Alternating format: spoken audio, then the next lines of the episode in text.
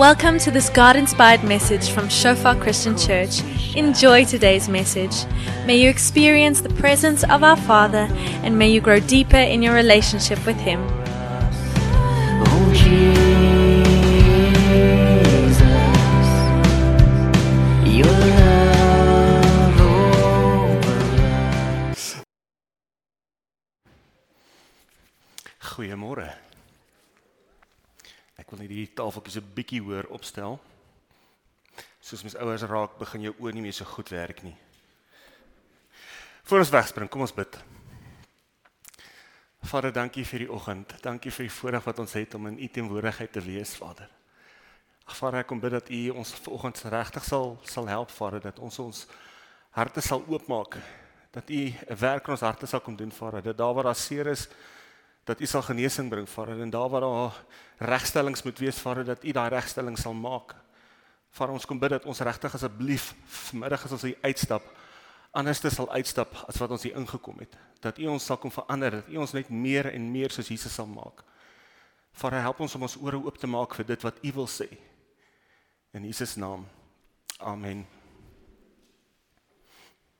As jy jou Bybel het, kan jy dit oopmaak in Matteus 22. Ek gaan dadelik sommer net vir ons begin lees. Ehm um, net so 'n bietjie agtergrond.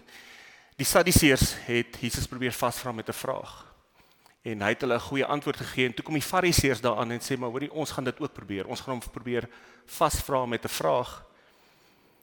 En een van hulle skrifgeleerde kom toe na hom toe en sê: "Meneer, vra hy, wat is die grootste gebod in die wet?" Jesus antwoord hom: Jy moet die Here jou God lief hê met jou hele hart, met jou hele siel en met jou hele verstand. Dis die grootste en eerste gebod. En die tweede wat hiermee gelyk staan is jy moet jou naaste lief hê soos jouself. En hierdie twee gebooie is die hele wet en die profete saamgevat. Ek wag letterlik nou al 3 weke om hierdie met julle te deel. Ons het 3 uh, weke terug die familiekamp gehad. Die van julle wat nie daar was nie, julle het regtig uitgemis. En Saterdag aand toe druk ons almal onsself daar in die een saaltjie in en ons kyk die Wêreldbeker eindwedstryd. Dit was nie 'n mooi wedstryd nie. Skeieregters maak foute, spelers maak foute. Jo, ek het op 'n stadium sommer hartseer geraak. Maar een ding het regtig vir my net so uitgestaan. Toe ek daar uitstap en, en terugstap na die kamertjie waar ons gebly het, het dit heeltyd in my kop gemaal. Ek het nog nooit van enige so iets gehoor nie. En dit was dat die kommentators op 'n stadion gesê het hierdie span praat van die Springbokke is regtig lief vir mekaar. Ek het self baie jare rugby gespeel en ek hou daarvan om rugby te kyk alhoewel ek nie genoeg tyd kry nie. Maar ek het nog nooit in my hele lewe gehoor dat 'n kommentator sê hierdie ouens is lief vir mekaar nie. Wel, in elk geval nie van rugby spelers nie. Maar dit het my laat dink. Wat sê die wêreld oor die kerk? As die wêreld sê rugby spelers is lief vir mekaar, hulle gee om vir mekaar, wat sê die wêreld oor die kerk? Hulle beklei onder mekaar, hulle oordeel mekaar, hulle respekteer mekaar nie. Kom ons bring dit 'n bietjie nader. Wat sê Sekunda oor Shofar? As jy vir iemand sê jy's 'n Shofar, sê hy o, daai kerk wat vir almal lief is. Daai kerk wat sopkombyse doen en uitreike doen. Wat sê Sekunda oor ons? En dan as jy dit nog 'n bietjie nader bring, wat sê jou buurman oor jou? Wat sê jou kollegas oor jou? Of die ander ouers by die skool as jy die kinders aflaai en daar met 'n spoed vir almal inswaai en wegjaag, wat sê die skoolouers oor jou? Nou die huis waar ons tans hier het 'n woonstel langs aan en die oomie wat langs aan ons bly is Abraham. En Abraham het twee windhonde. Hy jag so nou en dan met hulle blykbaar. Ek het dit nog nie gesien nie, maar ek glo hom. En so 5 weke terug toe ewe skielik hoor ons klein hondjies chunk, toe die twee windhonde twee babetjies gekry. Maar dis sulke ronde pokkeltjies. Dis nie windhond babetjies nie. Dis sulke vet vet ronde hondjies. En uh, voordat hulle kon loop, voordat hulle oogies uit oop was, rol hulle al uit die hok uit. En dan hoor jy hulle hy buite lê en chunk en My vrou en my kinders het uh baie geheg geraak op hierdie twee hondjies. 3 keer, 4 keer 'n dag, dan word daar ou lakens in die hok gesit. Dan word daar kos aangedra. Dan word die hondjie weer teruggesit in die hok. Dan die hartseer storie is die hondjies is dood. Maar as jy vir Abraham gaan vra, wie's die mense wat langs hom lewe, gaan hy sê, "O, daai mense is lief vir honde." Wat sê die wêreld oor ons as Christene? Ek gaan ons weer lees. Jesus antwoord hom: Jy moet die Here jou God lief hê met jou hele hart, jou hele siel, jou hele verstand. Dit is die grootste en die eerste gebod en die tweede wat hiermee gelyk staan is jy moet jou naaste lief hê soos jouself. In hierdie twee gebooie is die hele wet en die profete saamgevat. As ons gaan lees die vrug van die Gees, dit wat uit ons uitkom omdat die Heilige Gees in ons is, dan lees ons dadelik die eerste een is liefde, vreugde, vrede. Wat is die vrug wat in jou hart is? Bysie tandepaste. Baie slegte tandepaste, maar dis blykbaar goed vir 'n mens. As ek hom druk, wat kom uit?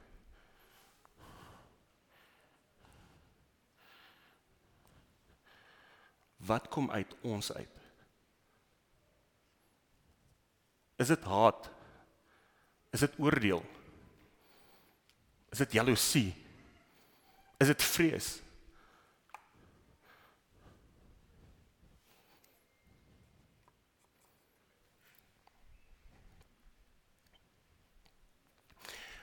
Ons het regtig 'n besef 'n openbaring nodig van wie die God is wat ons dien. Kom ek lees ons uit 1 Johannes 4 vanaf vers 8. Wie nie liefhet nie, het geen kennis van God nie, want God is liefde. Hierin is God se liefde aan ons geopenbaar. Sy enigste seun het hy na die wêreld toe gestuur sodat ons deur hom die lewe kan hê. Werklike liefde is dit nie die liefde wat ons vir God het nie, maar die liefde wat hy aan ons bewys het deur sy seun te stuur as verzoening vir ons sondes. Een van die beste maniere om te sien of 'n jong Christen groei is om te kyk of hy groei in liefde. Weet, raak hy nog so kwaad as hy bestuur en iemand voor hom inswaai? Raak hy nog so kwaad as iemand by die verkeerslig hom vra vir geld? raak hy nog so kwaad as iemand met hom verskil. Jy weet of is hy een van daai ouens wat wat voordat hy by die kerk was was hy die stywe man en nou wil hy net almal druk. Jy sien die kerk kan nie bekend wees vir moeilike, kwaai, aggressiewe, ongeskikte mense nie. Jy sien en ware liefde is nie dat ons wat sondig is, wat swak is, wat klein is, God liefhet nie, maar ware liefde is juist die teenoorgestelde dat God wat almagtig is, wat onbeperk is, wat heilig is dat hy ons wat klein en nietig is, dat hy ons liefhet. Ons het 'n openbaring nodig van wie God is. Wie ons is. Wat hy vir ons kom doen het.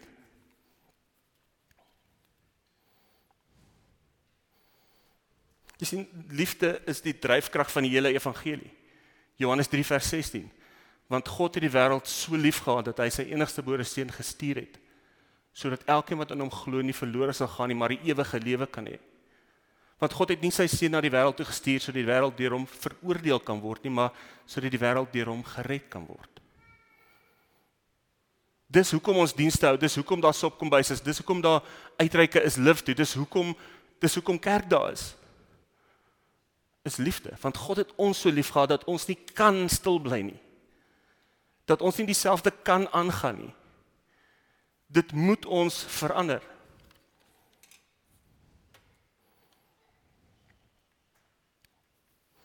Johannes 1 Johannes 4 vers 19. Ons het lief omdat God ons eerste lief gehad het. As ons ver oggend hier in die kerk sit en hier kom iemand ingestap wat bekend is vir sy korrupsie, dat hy mense indoen, dat hy steel, dat hy in die tronk was. Hoe sal ons hom ontvang daar by die deur? Sal almal so treetjie terug staan en sê, "O, oh, oh, ek ken hom." As iemand hier instap wat 'n bekende ateïs is wat wat kerke besoek net om hulle te kritiseer, hoe sal ons hom ontvang? Of as een van hierdie LGBTQ mense instap met sy reënbooghemp en en sy vlaggie, hoe sal ons hulle ontvang? Sal ons hulle dieselfde drukkie gee wat wat almal kry as ons daar instap? Of gaan ons 'n tree terug staan en sê, "Wat maak jy hier?" Is ons bekend vir liefde? Matteus 7 lees ons 'n ongelooflike storie. Ek gaan net so vinnig vir ons eh, die eerste deeltjie daarvan vertel en dan kan ons verder lees. In vers 36 lees ons hoe Simon, 'n Fariseer, Jesus innooi om by hom te kom eet. Later lees ons ook dat Simon word ook Simon die melaatste genoem. In dieselfde dorp was daar 'n vrou wat bekend is dat sy 'n sondaar is. Nou heel moontlik was sy 'n prostituut. Maar almal het geweet wie sy is, almal het geweet wat sy is. Toe sy hoor Jesus is in die dorp en hy's by Simon se huis, vat sy 'n botteltjie baie duur reukolie en gaan na Simon se huis toe. Terwyl Jesus op die grond sit en aan die tafel is, kom staan sy agter Jesus. En sy begin bitterlik huil. Soveel so dat haar trane sy voete nat maak. Sy vat ook haar hare en droog sy die voete af. Sy vat hierdie duur olie, breek dit oor sy voete en seën sy voete.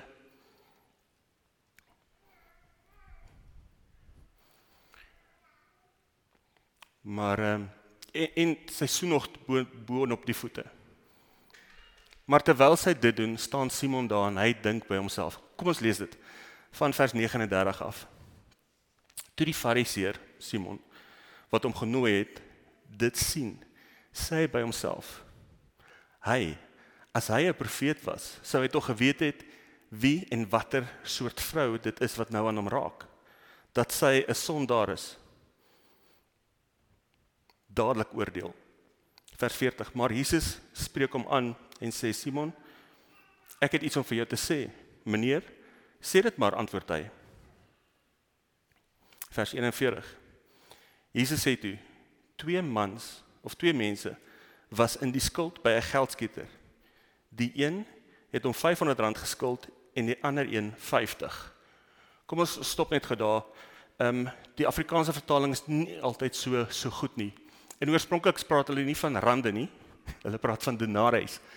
En as jy net Matteus 20 gaan lees, dan is 'n denarii actually die waarde van 'n dag se arbeid. So dis nie net 'n rand nie, dis actually wat 'n persoon verdien vir 'n dag se werk. So hierdie een persoon skuld hom 500 dae se arbeid en die ander een 50 dae se arbeid. Omdat hulle niks gehad het om mee te betaal nie, het hy die skuld van albei kwytgeskel. Wie van hulle sal hom die meeste lief hê? Of die meeste liefde bewys? Simon antwoord: Ek veronderstel die een vir wie hy die meeste kwyt geskel het. Jesus antwoord of jou antwoord is heeltemal reg, sê Jesus. Vers 44. En hy draai na die vrou toe om en sê verder vir Simon: "Sien jy hierdie vrou? Ek het in jou huis gekom en jy water vir my voete het jy my nie gegee nie, maar sy met haar trane het sy my voete nat gemaak en met haar hare het sy dit afgedroog. 'n Soen het jy my nie gegee nie, maar sy vandat sy ingekom het, het sy nie opgehou om my voete te soen nie. My kop het jy nie met het jy nie eens met olie gesalf nie. Sy het my voete met reukolie gesalf. Ek sê vir jou, omdat haar sonde wat baie is vergewe is, daarom bewys sy baie liefde. Maar hy vir wie min vergewe is, bewys min liefde. Hierdie vrou het 'n besef gehad, het het 'n openbaring gehad, het besef wie sy is, hoe sondig, hoe vuil, hoe hoe swak sy is. En sy het ook besef wie Jesus is. Die een wat genesing bring, die een wat kom regmaak, die een wat haar kom waardig maak. Die wat haar kom sonde, haar sonde kom wegwas. En daarom kon sy lief wees. Daar was geen plek vir trots nie want sy besef sy is sondig. Sy het niks om na God toe te bring nie. Maar aan die ander kant was die fariseer daar wat gedink het, "Sjoe, ek ek is actually nie sleg nie. Ek vas, ek bid, ek ken die wet, ek gaan tempel toe, ek doen dit, ek doen dit, ek Hy het gedink hy het 'n been om op te staan. Ons soos hierdie vrou moet op die besef kom dat ons het niks om vir God te bring nie. Maar as ons na hom toe kom deur Jesus Christus, maak hy ons nuut. Gebruik hy ons om die goeie boodskap verder te vat, gebruik hy ons om mense uit die hel uit te red en hulle hemel toe te stuur. As daar een droom is wat ek op hierdie aarde het, wel, dis nie regtig op die aarde nie, dis na die aarde. Is dit as ek eendag daar in die hemel kom, dat daar 'n skare mense staan en wag vir my en sê hoorie, maar ons is hier want jy wou nie stil bly nie. Want jy het vir ons 'n drukkie gegee. Want jy was nie te besig om te beplan nie. En dis al die foute wat ek het want ek is altyd te besig. Ek het nooit tyd nie.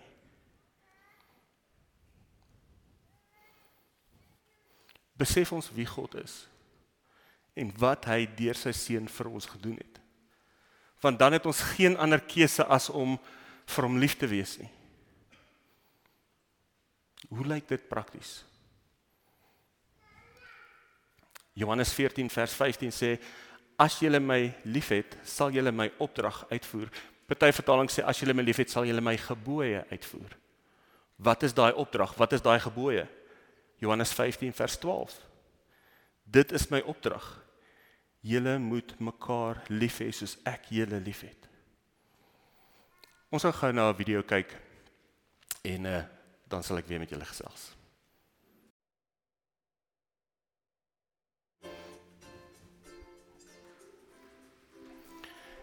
Net om hierdie onderwerp so 'n bietjie ligter te maak.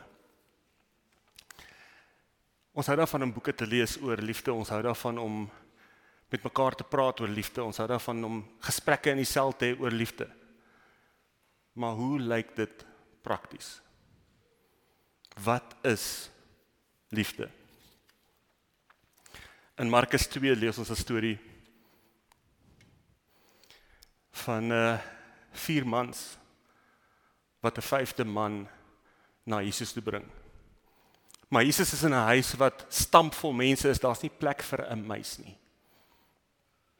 Jy kan nie eers by die deur staan en inloer nie, dit is net so vol.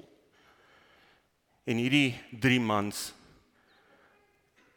is vasberade. Hulle gaan nie opgee nie. Hulle gaan hulle vriend by Jesus se voete uitkry. Hulle gaan die verlamde man by Jesus se voete uitkry. Hulle klim toe op die dak. En hulle begin die dak oopbreek. Hulle is desperaat. Hulle hulle gaan nie opgee nie. Hulle breek die dak oop. Toe daar 'n gat groot genoeg was, toe laat hulle die verlamde man in sy draagbaar afsak tot voor Jesus. Toe Jesus hulle geloof sien, sê hy: "Vriend, jou sondes word vergewe." In uh, Galasiërs 6 vers 2 praat daarvan ons moet mekaar se laste dra en op so 'n manier uitvoer die wet van Christus. Hierdie ouens het verder gegaan. Hulle het nie net die vriend se laste gedra nie, hulle het die vriend gedra. Wanneer laas het jy iemand gedra? Wanneer laas was jy so vasbeslote maar hierdie persoon gaan by Jesus se voete uitkom? Al moet ons op 'n dak klim en 'n dak oopbreek. Ek hou nogal daarvan om tydjie net prakties te dink daaroor. Waar was die eienaar van die huis? Het hy langs aan gestaan en hierdie ouens met klippe gegooi klim van my dak af. Ek ek kan jou waarborg, hy het nie net stil gesit en gekyk, o, iemand breek my dak oop nie. Hierdie ouens het 'n groot kans gevat. Die Romeinse weermag kon geroep geword het, hulle kon gearresteer geword het want hulle breek iemand se huis af. Maar as hulle regverdige mans was, is ek is ek baie seker hulle was die volgende dag daar om weer die dak reg te maak. En dan nog 'n punt is Jesus het nie gesê jou geloof was goed genoeg nie. Hy het hulle geloof gesien. Daar was vriende wat in geloof saam met die verlamde man gestaan het, soveel sodat Jesus het gesê jou sonde is vergewe want hy het hulle geloof gesien. Wanneer laas het jy saam met iemand in geloof gestaan? Ek uh, moet so 'n bietjie bieg vanoggend. Van julle sal vir Andre en Mesin ken wat in Shafa Johannesburg is. Nou uh ons was by Andre hulle se troue en hulle was by ons trou. Ons ken mekaar al Ek moet vir my vrou kyk en kyk of ek reg skat 19 jaar. OK, sy skat haar kop. Min of meer 19 jaar. Nou Andre hulle drie kinders, die oudste, Mika is so oud soos Daniel, my oudste. En toe het hulle 'n tweede seentjie, Azael. Andre het in Pietersburg gewerk op daai stadium en Mesin was ook daar. Sy was 'n 'n sy het medisyne verkoop. Sy's 'n verpleegster en sy het toe repwerk gekry vir mediese mediese goed. Sy kom een middag by die huis. Andre se ma is daar en hulle kyk na die kinders en uh Azael is weg. Na so 'n paar minute kry hulle hom in die swembad. Ehm um, ons begin WhatsApp skryf van Azael se hart het opgehou klop. Bid. Ons bid. Kry ons weer 'n boodskap sy hart het weer begin klop. Dan kry ons die boodskap van hy haal nie meer asem nie en dan kry ons weer die boodskap nee hy haal weer asem. Toe was Azael 2 jaar oud. Hy's nou omtrent 10. Hy lewe nog, maar hy's permanent op suurstof. Daar's baie skade, so hy kan nie praat nie, hy kan nie loop nie. Die familie gaan reg deur 'n rowwe tyd. Maar ons as 'n gesin, toe ons dit gehoor het, toe het ons dag en nag vir hulle gebid. Jy weet, dis konstant hierdie hierdie besef van hierdie vriende het het gebed nodig. Maar soos die tyd aangaan, dan begin elke dag bid, elke tweede dag bid. En ehm um, op 'n stadium het ons maar seker maar geloof of hoop verloor. 8 jaar later as die Here ons herinner dan bid ons vir hulle, maar dis nie meer 'n gereelde ding nie. Dis nie meer ons staan in geloof soos hierdie vier man saam met hulle vriend gestaan het. Ons gaan nie opgee nie. Ons gaan ons gaan aanhou, ons gaan deurdruk tot die wonderwerk kom. Nou uh, klein Isabella, sy's nie hier nie. Sy's 10 jaar oud. Sy uh, het so 3 jaar terug vir haar 4 jaar terug vir haar ontmoet. En uh hy kan dan so 'n bietjie sy spiere gebruik en hy het so 'n groot glimlag op sy gesig en dan wys hy thumbs up.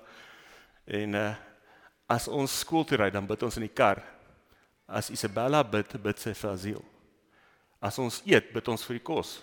As jy Isabella bid, bid sy vir die kos en sy bid vir asiel. Sy daai deursettingsvermoë wat wat ek al lank al verloor het.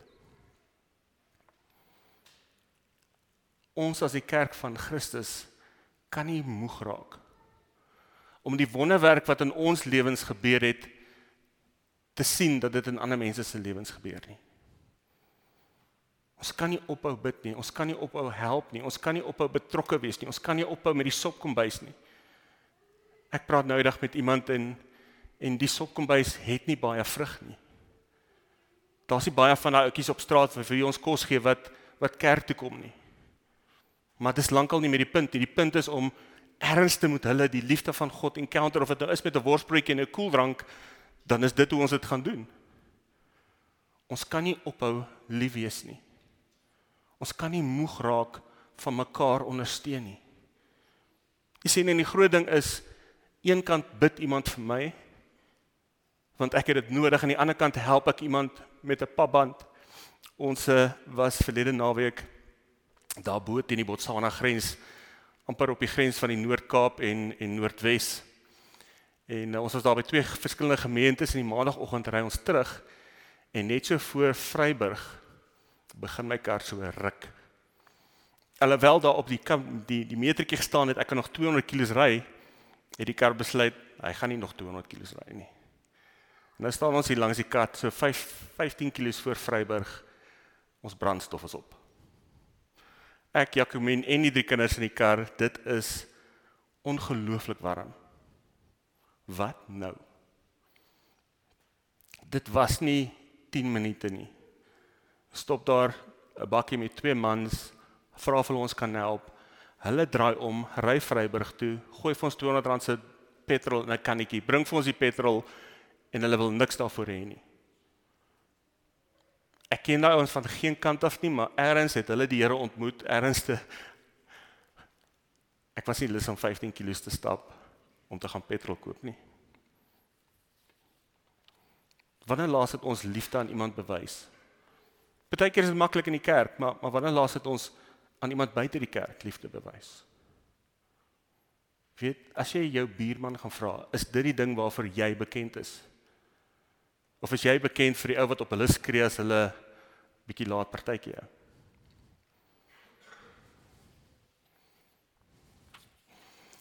Ek gaan vir ons afsluit met 1 Johannes 3 vanaf vers 16. Hiermee weet ons wat liefde is.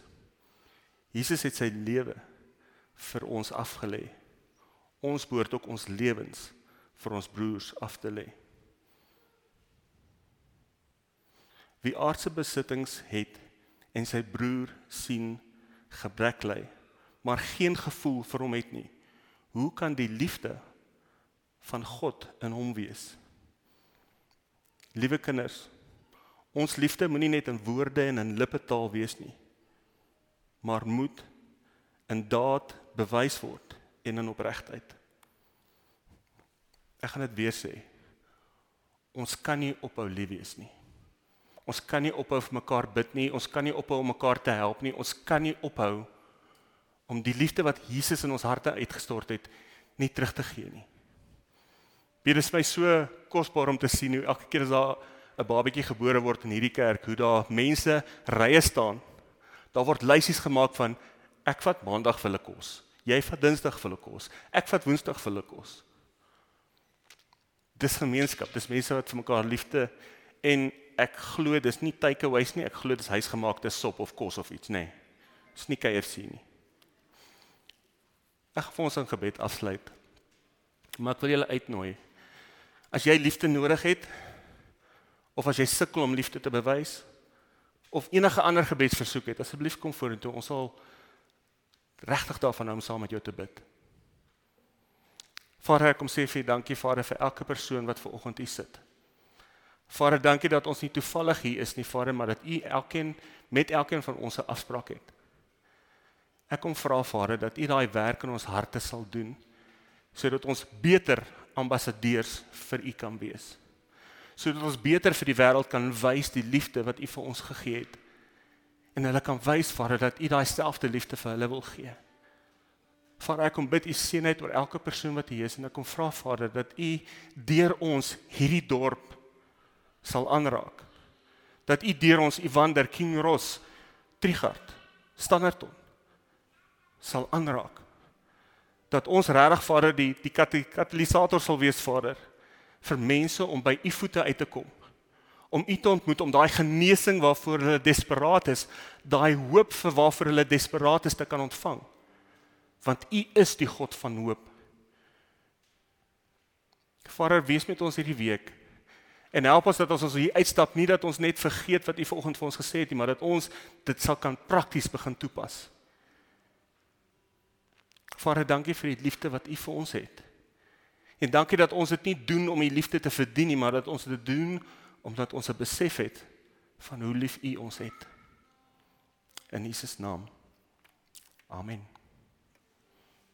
Julle moet 'n fantastiese week hê en asseblief onthou daar's koffie, so kry kry 'n koppie koffie en kry iemand om voor te bid.